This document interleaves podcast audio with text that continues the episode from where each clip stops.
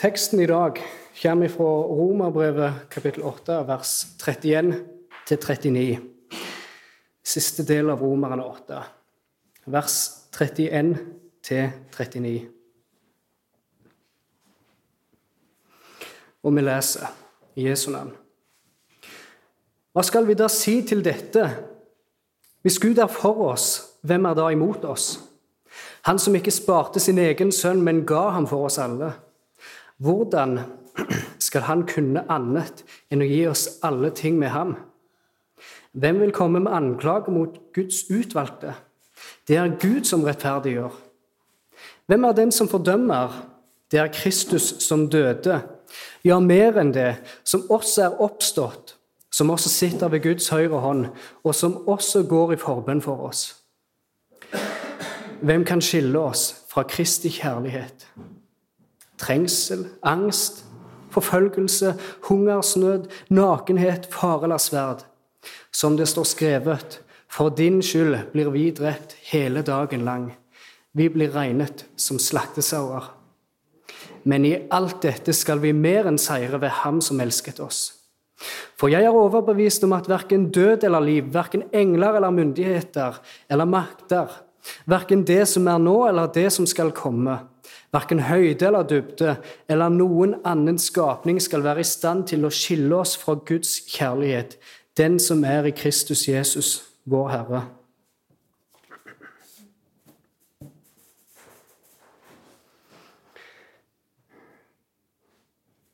Etter en uh, sommer der vi har vært samla i heimene nå, så er vi endelig tilbake her på Hesjestad, og vi er tilbake igjen i Romerbrevet nå.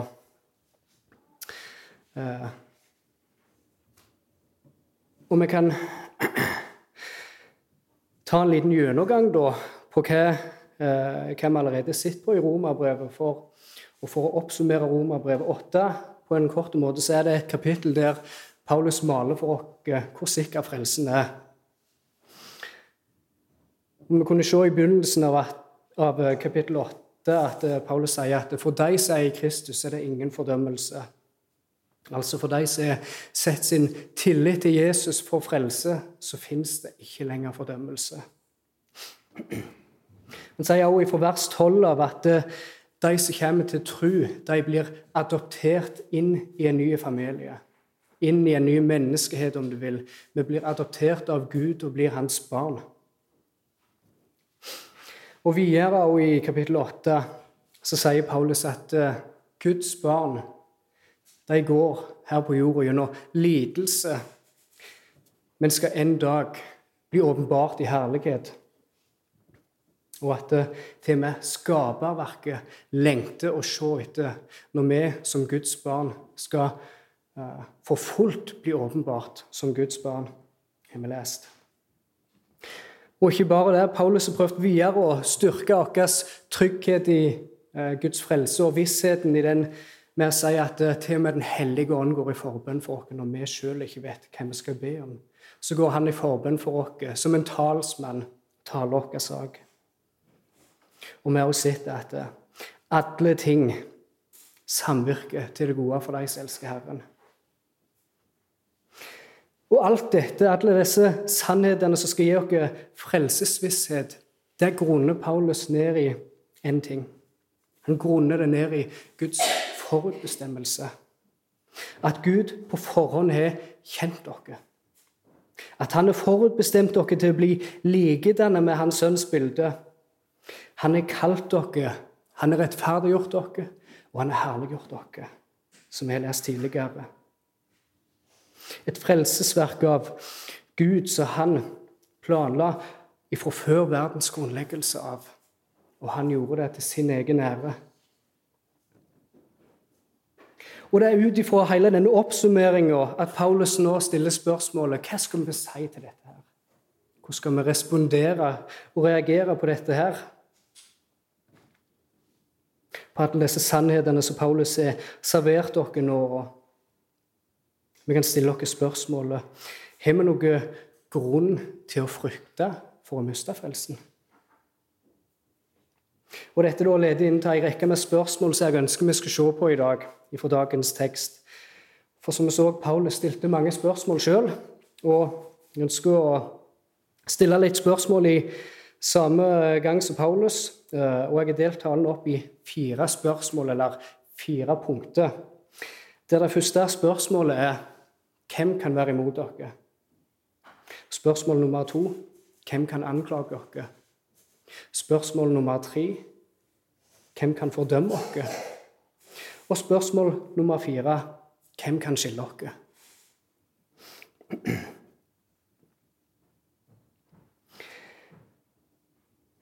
Paulus spør hva skal vi da si til dette?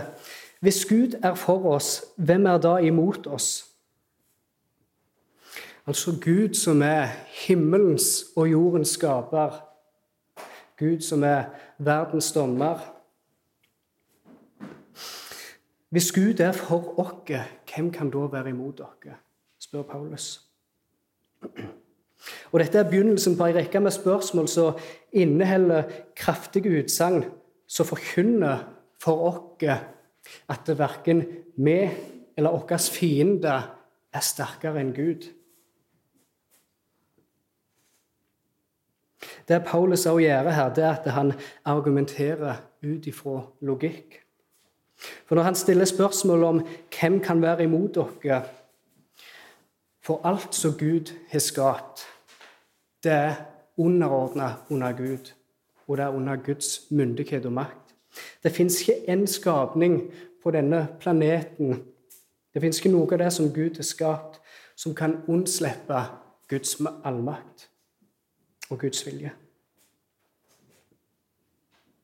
Det er ikke et eneste menneske som er sterkere enn Gud, og som da kan stå imot oss når Gud sjøl sier han er for oss. Hva vil det da egentlig si at Gud er for oss? Hva vil det si at Gud er for oss? For Vi kan jo snakke litt på samme måte sjøl og si at jeg er for han eller jeg er for hun, men hva betyr det at Gud er for oss? Det at Gud er for oss, det er i en her er det snakk om en juridisk setting, om du vil. For som vi kan lese i vers 32 av teksten Han som ikke sparte sin egen sønn, men ga ham for oss alle. Hvordan skal han kunne annet enn å gi oss alle ting med ham? Gud ga oss hans mest dyrebare. Det mest dyrebare han hadde, hans egen sønn. Han ga han for oss. Han ble gitt for våre synder og som en løsepenge for å kjøpe oss fri fra slaveriet til synd. Han ble sendt i døden for våre synder. Og Legg også merke til at det står at Gud sparte ikke engang sin egen sønn. Altså, Han skånte ikke Jesus for den dommen som var meint mot oss. I Matteus 26 kan vi lese om når Jesus hadde sin bønn i Getsemane før han ble tatt til fange. Han ba, og han sa, 'Min far, hvis det er mulig, så la dette beger gå meg forbi.' 'Men ikke som jeg vil, bare som du vil.' Dette begeret av Guds dom og vrede som var meint til å ramme oss, det ramma Guds egen sønn, som han ga til oss. Sånn at vi skulle unnslippe det, så måtte Jesus drikke av dette begeret som han ba om å få slippe. Jesus ba om å få slippe det, men Guds plan var at han ikke skulle spare sin egen sønn.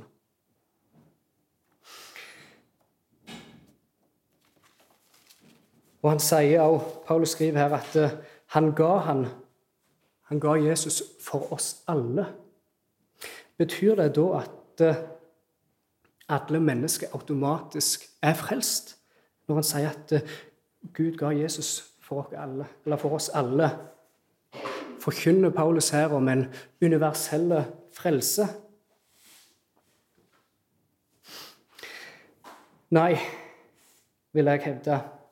For som jeg nevnte tidligere, så alle disse godene som vi kan lese om tidligere i Romerne 8 Eh, at det ikke er fordømmelse for de som er i Kristus, og at eh, de som er i Kristus, og er født på ny. De er født inn i en ny familie og fått barnekår ved ånden. Alle disse godene som følger med frelsen, som vi ser tidligere. Paulus grunner dette ned i Guds utvelgelse. Av hvem han ønsker, Guds utvelgelse av hvem han ønsker å vende sin oppmerksomhet mot. Hvem han ønsker å fokusere sin frelsende kjærlighet imot.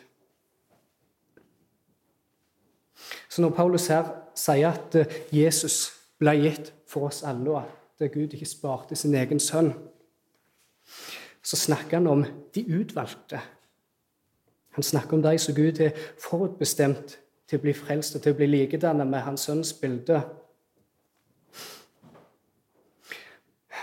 Og Når vi tenker på dette, her, så kan det mest være, mest være fristende for noen av oss til å prøve ok, hvis vi skal tenke på uh, utvelgelse, og Gud utvelger hvem han uh, vil frelse, skal vi da prøve å gå rundt på gata og se etter folk som har en U i pannen, for å finne ut han er utvalgt, eller hun er utvalgt. Det skal vi ikke, for det er ikke vårt bord. Vi skal ikke bevege oss lenger inn i det som Gud har åpenbart. Og det han har åpenbart for oss, det er at Gud ifra før verdens grunnleggelse av har utvalgt en brud til sin sønn, et folk som han vil frelse. Vi kjenner ikke identiteten til dem, men vi vet at uh, Gud har utvalgt et folk som han vil frelse, og som vi også leste tidligere, en skare av mennesker. Jesus skulle bli førstefødte blant mange brødre. Så det er ikke vårt bord å prøve å finne ut identiteten til hvem disse er. Men det som er, til, det som er for oss å forstå, det, som, det er det som Paulus åpenbarer for oss her, at de som Gud er utvalgt, de som Gud er forutbestemt, de er han forutbestemt til å bli likedannet med hans sønns bilde. Og han er kalt i, han er rettferdiggjort i, og han er herliggjort i. Det er det vi har å forholde oss til. Og det er til dessen Gud er for. De som Gud har valgt å frelse, de som Gud har valgt å vekke opp ifra åndelig død til åndelig liv, og de som Jesus har dødd for og betalt for syndene til fullt og helt. Det er dessen. Og hvem er dessen? Jo, det er til hver en som bekjenner sin tro på Jesus Kristus og tar sin tillit til Han. Og når du gjør det, så er Gud 100 for deg. Gud er 100 for deg.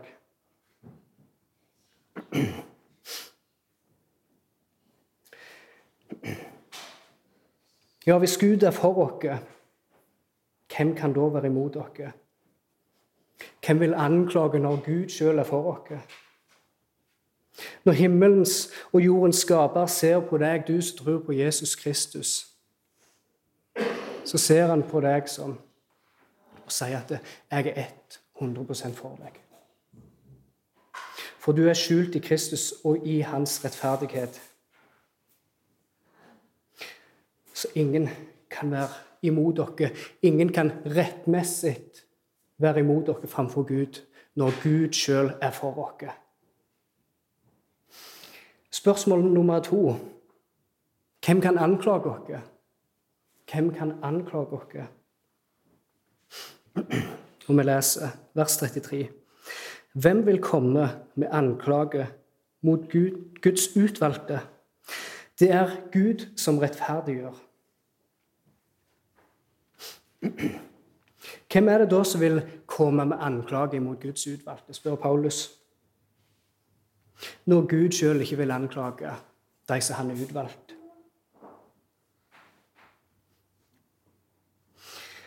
Og Hvis Gud da har rettferdiggjort dere, hvem er det da som våger å stille spørsmål med Guds valg for hvem han har rettferdiggjort? Hvis Gud har rettferdiggjort dere, hvem er det da som våger å stille spørsmål hva Gud velger å gjøre, og hvem Gud velger å rettferdiggjøre?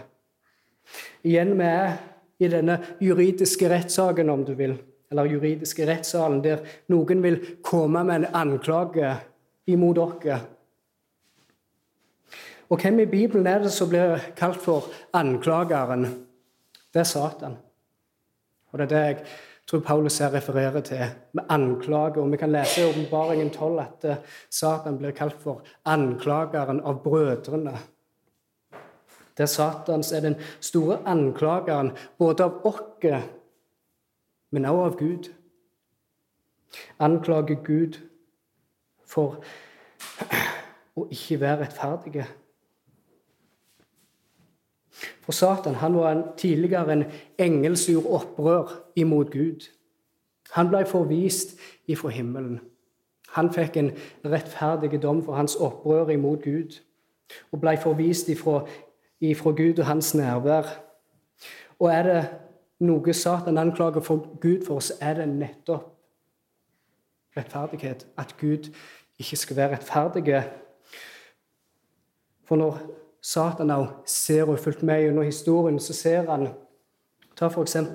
Noah, som ble kalt en rettferdig mann av Gud. Men hva var det han gjorde rett, helst rett etter at arken landa? Han lagde seg en vingård og drakk seg full. Og Gud kalte den mannen en rettferdig mann. Eller hva med Abraham, som Gud også så på som rettferdige? Men han opp for farao og sa at kona hans, Sarai, var søstera han la opp for farao, og Gud så på Abraham som en rettferdig mann. Ta for eksempel David. Gud kalte han en mann etter sitt eget hjerte. Og som vi kan lese, Han drev hor med Batseba, og han drepte, eller sørga for at eh, mannen hennes, Uria, ble drept. Og Gud kaller en sånn mann eh, en mann etter Guds hjerte. Satan ser gjennom hele historien ser disse som Gud kaller for rettferdige, eller mann etter Guds hjerte, sier hvordan i alle dager kan du dette? Kan du kalle dem rettferdige når de synder så grovt imot deg? Du ga meg en rettferdig dom når jeg gjorde opprør mot deg i himmelen og forviste meg ifra ditt nærvær.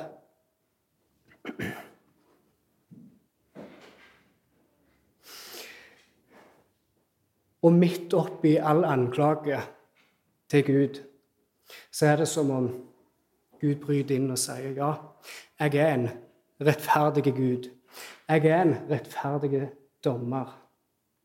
Og jeg dømmer synd, og jeg dømmer synderen. Men bare se til Golgata, for der henger min sønn og betaler for syndene til disse folket som har synda imot meg. Der henger min sønn og bærer syndene til disse menneskene. Og han betaler prisen for deres lovbrudd. Så du ser det, er det som om Gud sier. Jeg er en rettferdig dommer, og jeg straffer dem for deres synd. Men jeg lar straffen og dommen komme ut over min egen sønn, så bærer syndene deres. Og da er det som om alt er anklager stilner. Satan kan ikke si noe imot dette her, for Gud viser sin rettferdighet med at han lot Jesus ta straffen for oss. Og at han fikk demonstrere sin rettferdighet med at synden vår ble betalt.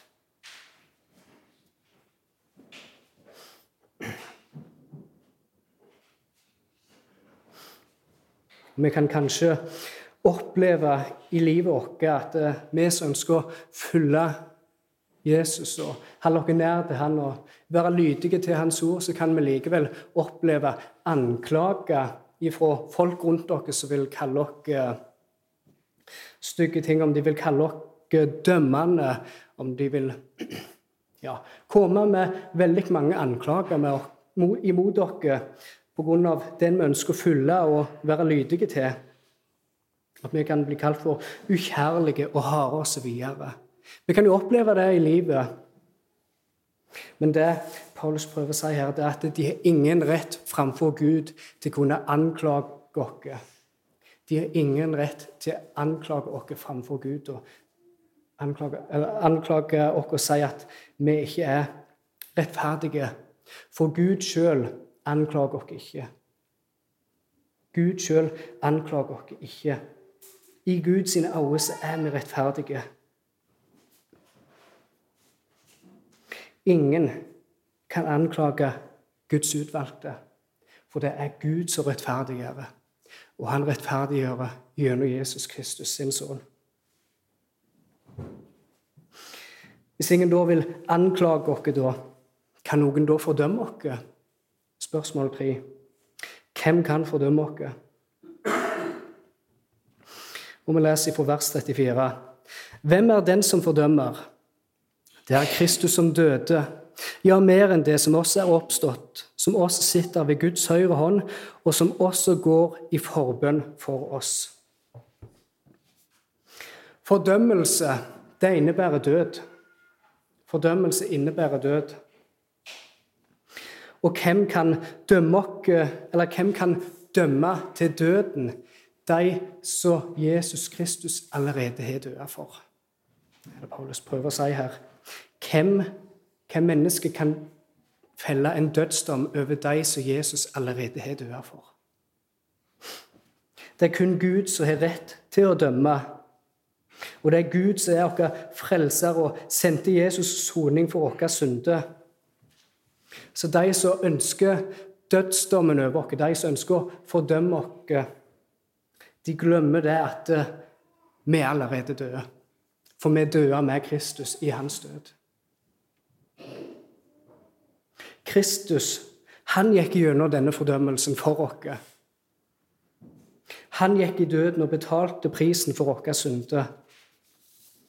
Jesus gikk gjennom denne fordømmelsen.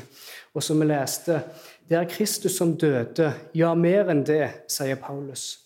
Og som også er oppstått, som også sitter ved Guds høyre hånd, og som også går i forbønn for oss. Så det er ikke bare en død frelser, det er ikke en død Kristus vi setter vår tillit til, men det er en levende Kristus vi setter vår tillit til. Og ikke bare en er levende, sto opp igjen for de døde, men en Kristus som har sett seg med Guds høyre hånd. En Kristus som går i forbønn for oss. Paulus viser oss i dette verset hvordan Gud med både sin kraft og kjærlighet eh, virker med sin frelse, der han i kjærlighet sendte sin sønn Jesus til å dø for våre synder. Og i kraft så reiste han Jesus opp til vår rettferdiggjørelse. Og i kraft igjen settes, til å sette han med Faderens høyre hånd. Og i blivende kjærlighet, eller i uh, evige kjærlighet, så går han i forbønn for oss. Så Paulus viser oss hvordan Gud her, både i kjærlighet og i kraft, virker til vår frelse.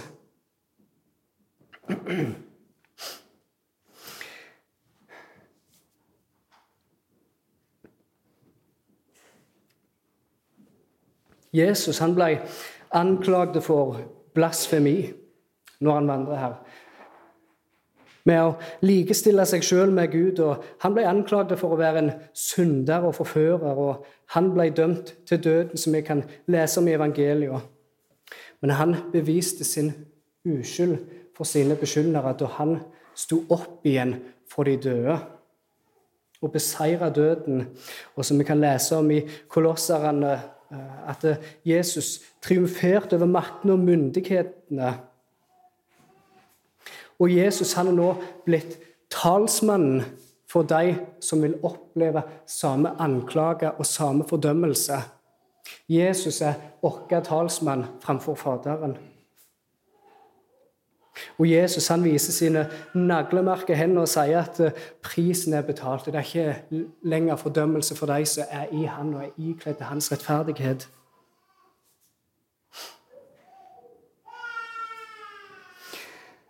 Den truende, den som tror og setter sin tillit til Jesus, er sikker bevart i Guds allmektige hender. En er så sikker at en kan ikke falle ifra. En vil bli bevart i Guds plan for frelse. Ja, hvem er den som fordømmer oss? Det er ingen som har rett til å fordømme oss framfor Gud. For dommen ramma Jesus. Fordømmelsen ramma Jesus i vår plass. Det var han som døde, og det var alle anklager. Og når han døde for oss, så faller alle anklager og fordømmelser imot dere til intet. For det ble fullbyrdet av Jesus. Ok, da. Ingen kan være imot dere. Ingen kan anklage dere. Ingen kan fordømme dere. Men kan noe, kan noe form for makt skille dere fra Guds kjærlighet? Hvem kan skille dere? Spørsmål fire. Og vi leser vers 35 og 36. Hvem kan skille oss fra Kristi kjærlighet? Trengsel, angst, forfølgelse, hungersnød, nakenhet, fare eller sverd. Som det står skrevet, for din skyld blir vi drept hele dagen lang. Vi blir regnet som slaktesauer. De kristne i menigheten i Rom de var under forfølgelse og de var under harde omstendigheter. Og de, ble, de fikk falske anklager imot seg. og Det ble sett ut rykter om dem med at de drev kannibalisme, med at de åt en manns kjøtt og drakk hans blod. De ble jaktet på mange fronter og var under stort press. Og det kunne jo være oppløftende for dem å høre at eh, Gud var for dem når de hadde så mange motstandere imot seg. At ingen kunne komme med anklager mot dem, ingen kunne felle en dom over dem. Men likevel, i de harde omstendighetene som de levde unna, så kunne nok kanskje sitte med en tanke og frykt over at frelsen henger i en tynn tråd. Tenk om jeg skulle bli tatt til fange, eller tenk om jeg skulle bli heven til løvene. I disse harde omstendighetene så kunne tanken snike seg inn i hodet, og spørsmålet komme opp så den enkelte har Gud forlatt meg. Ok, jeg hører han er for meg, og det, men har han forlatt meg?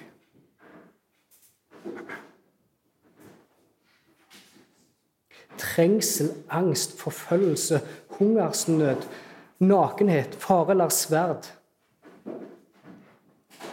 Eller som vi kanskje kan oppleve i dag, kan krig i været i dag skille oss ifra Guds kjærlighet. Kan frykten for uh, høye priser på alt ifra strøm og bensin og frukt for å ikke klare å betale regninger kan innskrenking av trus- og ytringsfrihet kan noe av dette her skille oss fra Guds kjærlighet? Det er ikke bare utvendige omstendigheter som blir listet opp her, men også angst. Vi kan oppleve angst i vårt liv, i vårt trusliv. Vi kan kjenne på en stor skyldfølelse og fordømmelse når en er falt i synd osv. Vi ser kanskje ikke noe utvei.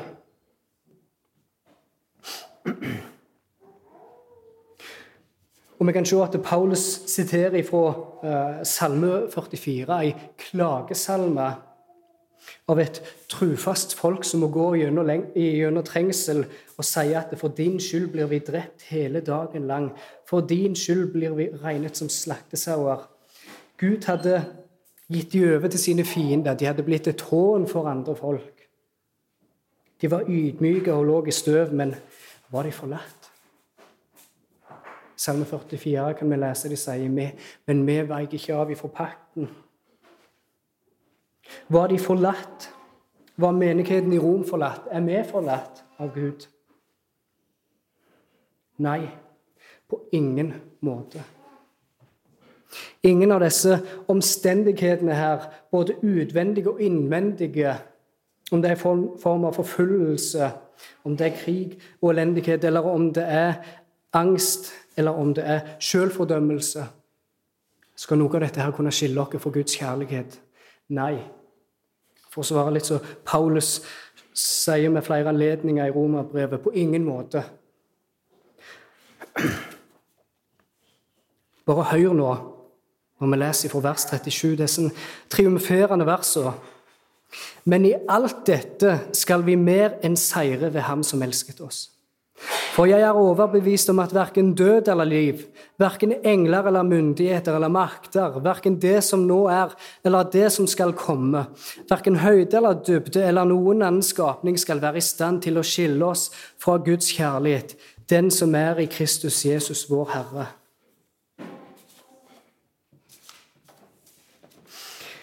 Ikke bare skal ingenting av dette her kunne skille oss ifra Guds kjærlighet, Ingen omstendigheter skal kunne være i stand til det. Men Paulus sier at uh, i alt dette skal vi mer enn seire.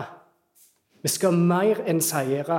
Vi skal ikke bare overleve, vi skal faktisk triumfere. Vi skal seire ved, ved Ham som elsket oss.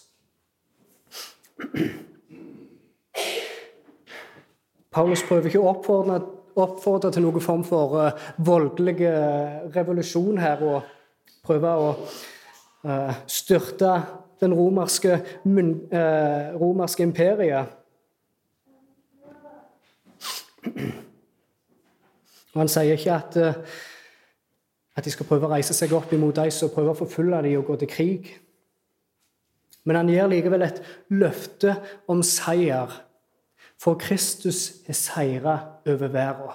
Kristus er seira over verden som vi kan lese i Johannes 16, 33, Jesus sine ord før han skal ha sin ypperste prestelige bønn. Og Han sier at i verden skal dere ha trengsel, men vær ved godt mot. Jeg har seiret over verden. Jeg har seiret over verden.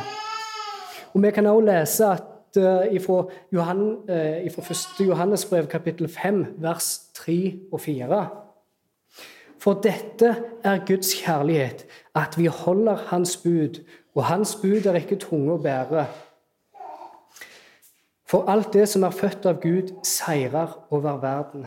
Og hør nå Og dette er den seier, seier som har seiret over verden, vår tro. Vår tro er det som seirer over verden. Og hva er vår tro? Jo, det er evangeliet om Jesus Kristus. Og Jesus Kristus han seirer med at evangeliet går fram, og mennesket blir født på ny. De går ifra, lys, nei, ifra mørke til lys, og de går ifra hver fiende til hver hans venner. På den måten, sier Paulus til menigheten i Rom, skal dere seire.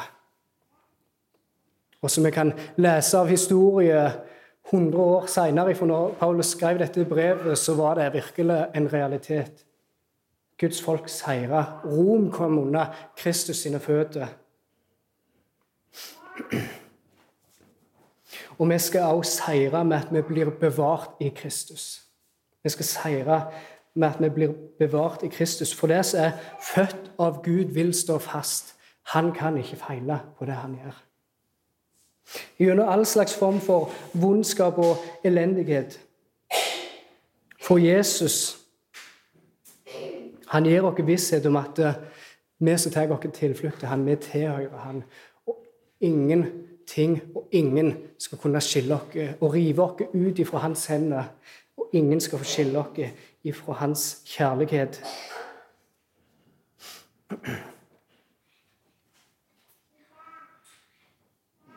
Paulus var overbevist om dette her, at eh, ingen makter skulle være i stand til dette her, å rive oss ut og skille oss fra Guds kjærlighet til Kristus Jesus. Og for menigheten i Rom, som levde under stor forfølgelse og trengsel, så var dette ord til oppmuntring og til trøst. At ingenting skulle kunne skille dem fra Guds kjærlighet og en kan jo tenke at det er lett å bare komme med sånne trøstende ord. For vi setter jo alle pris på oppløftende og positive ord. Men hva er det som gjør at Paulus kan være så sikker på dette her? Og snakke på sånn måte til en menighet i Rom som var under forfølgelse, at uh, ingenting skulle kunne skille dem, ingen skulle kunne stå imot dem, ingen kunne anklage dem. Hva er det som gjør at Paulus er så overbevist om dette, her, og så gjør at han til og med sier at uh, vi skal til og med seire Vi skal seire med Kristus. Denne overbevisningen som Paulus har, er grunnfesta i Guds forutbestemmelse og i Guds utvelgelse av de han vil frelse. Dette poenget som Paulus allerede har etablert tidligere i kapittelet, gjør at han kan skrive på denne måten og med denne overbevisningen, for han vet at det er deg Gud utvalgt. Det er mennesket Gud utvalgt. Gud vil ikke feile i å frelse det, for Gud har planlagt frelsen fra begynnelse til slutt.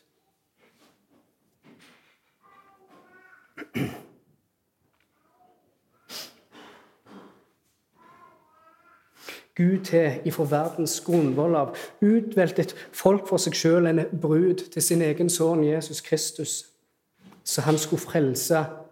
Og det er ingen mennesker på denne jord som er i stand til å kunne forandre denne perfekte planen til Gud. Det er ingen mennesker som er i stand til det. Ingenting er i stand til å skille oss fra Guds kjærlighet. Og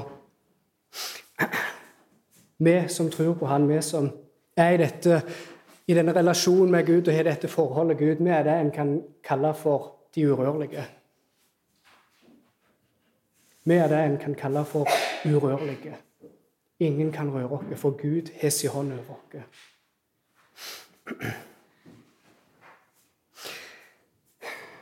Ja, for en sikkerhet vi har i Kristus. For en stor sikkerhet vi har i Kristus. Og som på, på, så mange mektige måter Paulus demonstrerte demonstrert dette her gjennom kapittel 8.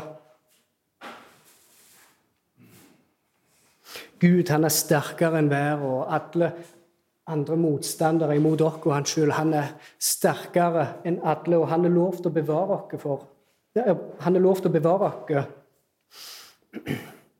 Vi kan kanskje kjenne på avstanden fra Gud, og vi kan gjerne kjenne på at det er, som, det er perioder der Gud føles veldig langt vekke. Og som om Gud gjerne har forlatt dere. Men det er nettopp i de tilfellene vi må klamre oss til Guds løfte, som vi har sett så mange eksempel på i Romerne 8. Vi må klamre oss til Guds løfte i plassen for å klamre oss til vår følelse om at Gud er langt vekke. For Gud er ikke langt vekk. Han er nær til alle de som kaller på han.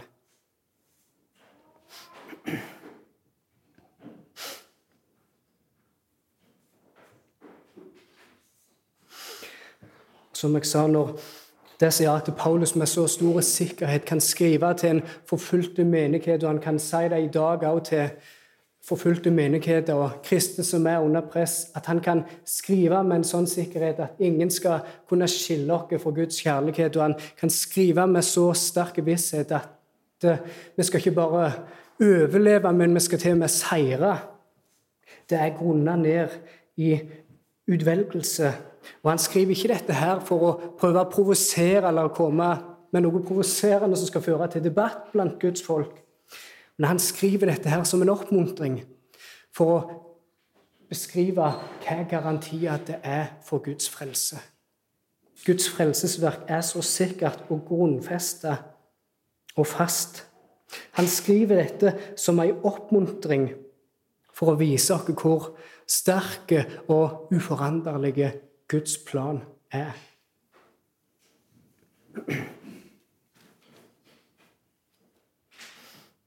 Og kjære venner, til deg du som tror på Jesus Kristus, du som setter din tillit til Han Gud er 100% for deg.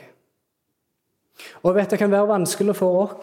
Vi tenker det er mange plasser en bare fokuserer på kjærlighet og kjærlighet. og En prøver å komme med ei vektskål med at ja, men vi må huske på at Gud er rettferdig. Så må jeg passe meg sjøl, og vi må ofte passe på alle oss må passe på at vi ikke skal framheve en av attributtene til Gud over en annen. Vi kan tenke så mye om Guds rettferdighet at vi glemmer Guds kjærlighet. Og vi glemmer faktisk og vi klarer ikke å tro det at Gud er for oss. Men til deg, du som tror på Jesus Gud er 100 for deg. Han er for deg, og ingen kan være imot deg. Ingen kan rettmessig anklage deg framfor Gud, for Jesus tok den anklagen på seg sjøl. Og det er ingen som kan fordømme deg. Det er ingen som kan felle en dødsdom over deg. For dommen falt på Kristus. Dommen falt på Jesus. Han tok den fordømmelsen som var meint imot dere.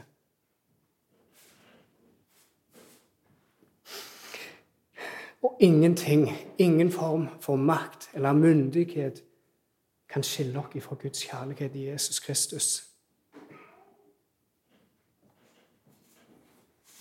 Som en applikasjon til dette her, så vil jeg bare formane til dere alle sammen tro på dette her. Tro at det gjelder for deg. Disse løftene er for deg. Denne frelsen er for deg.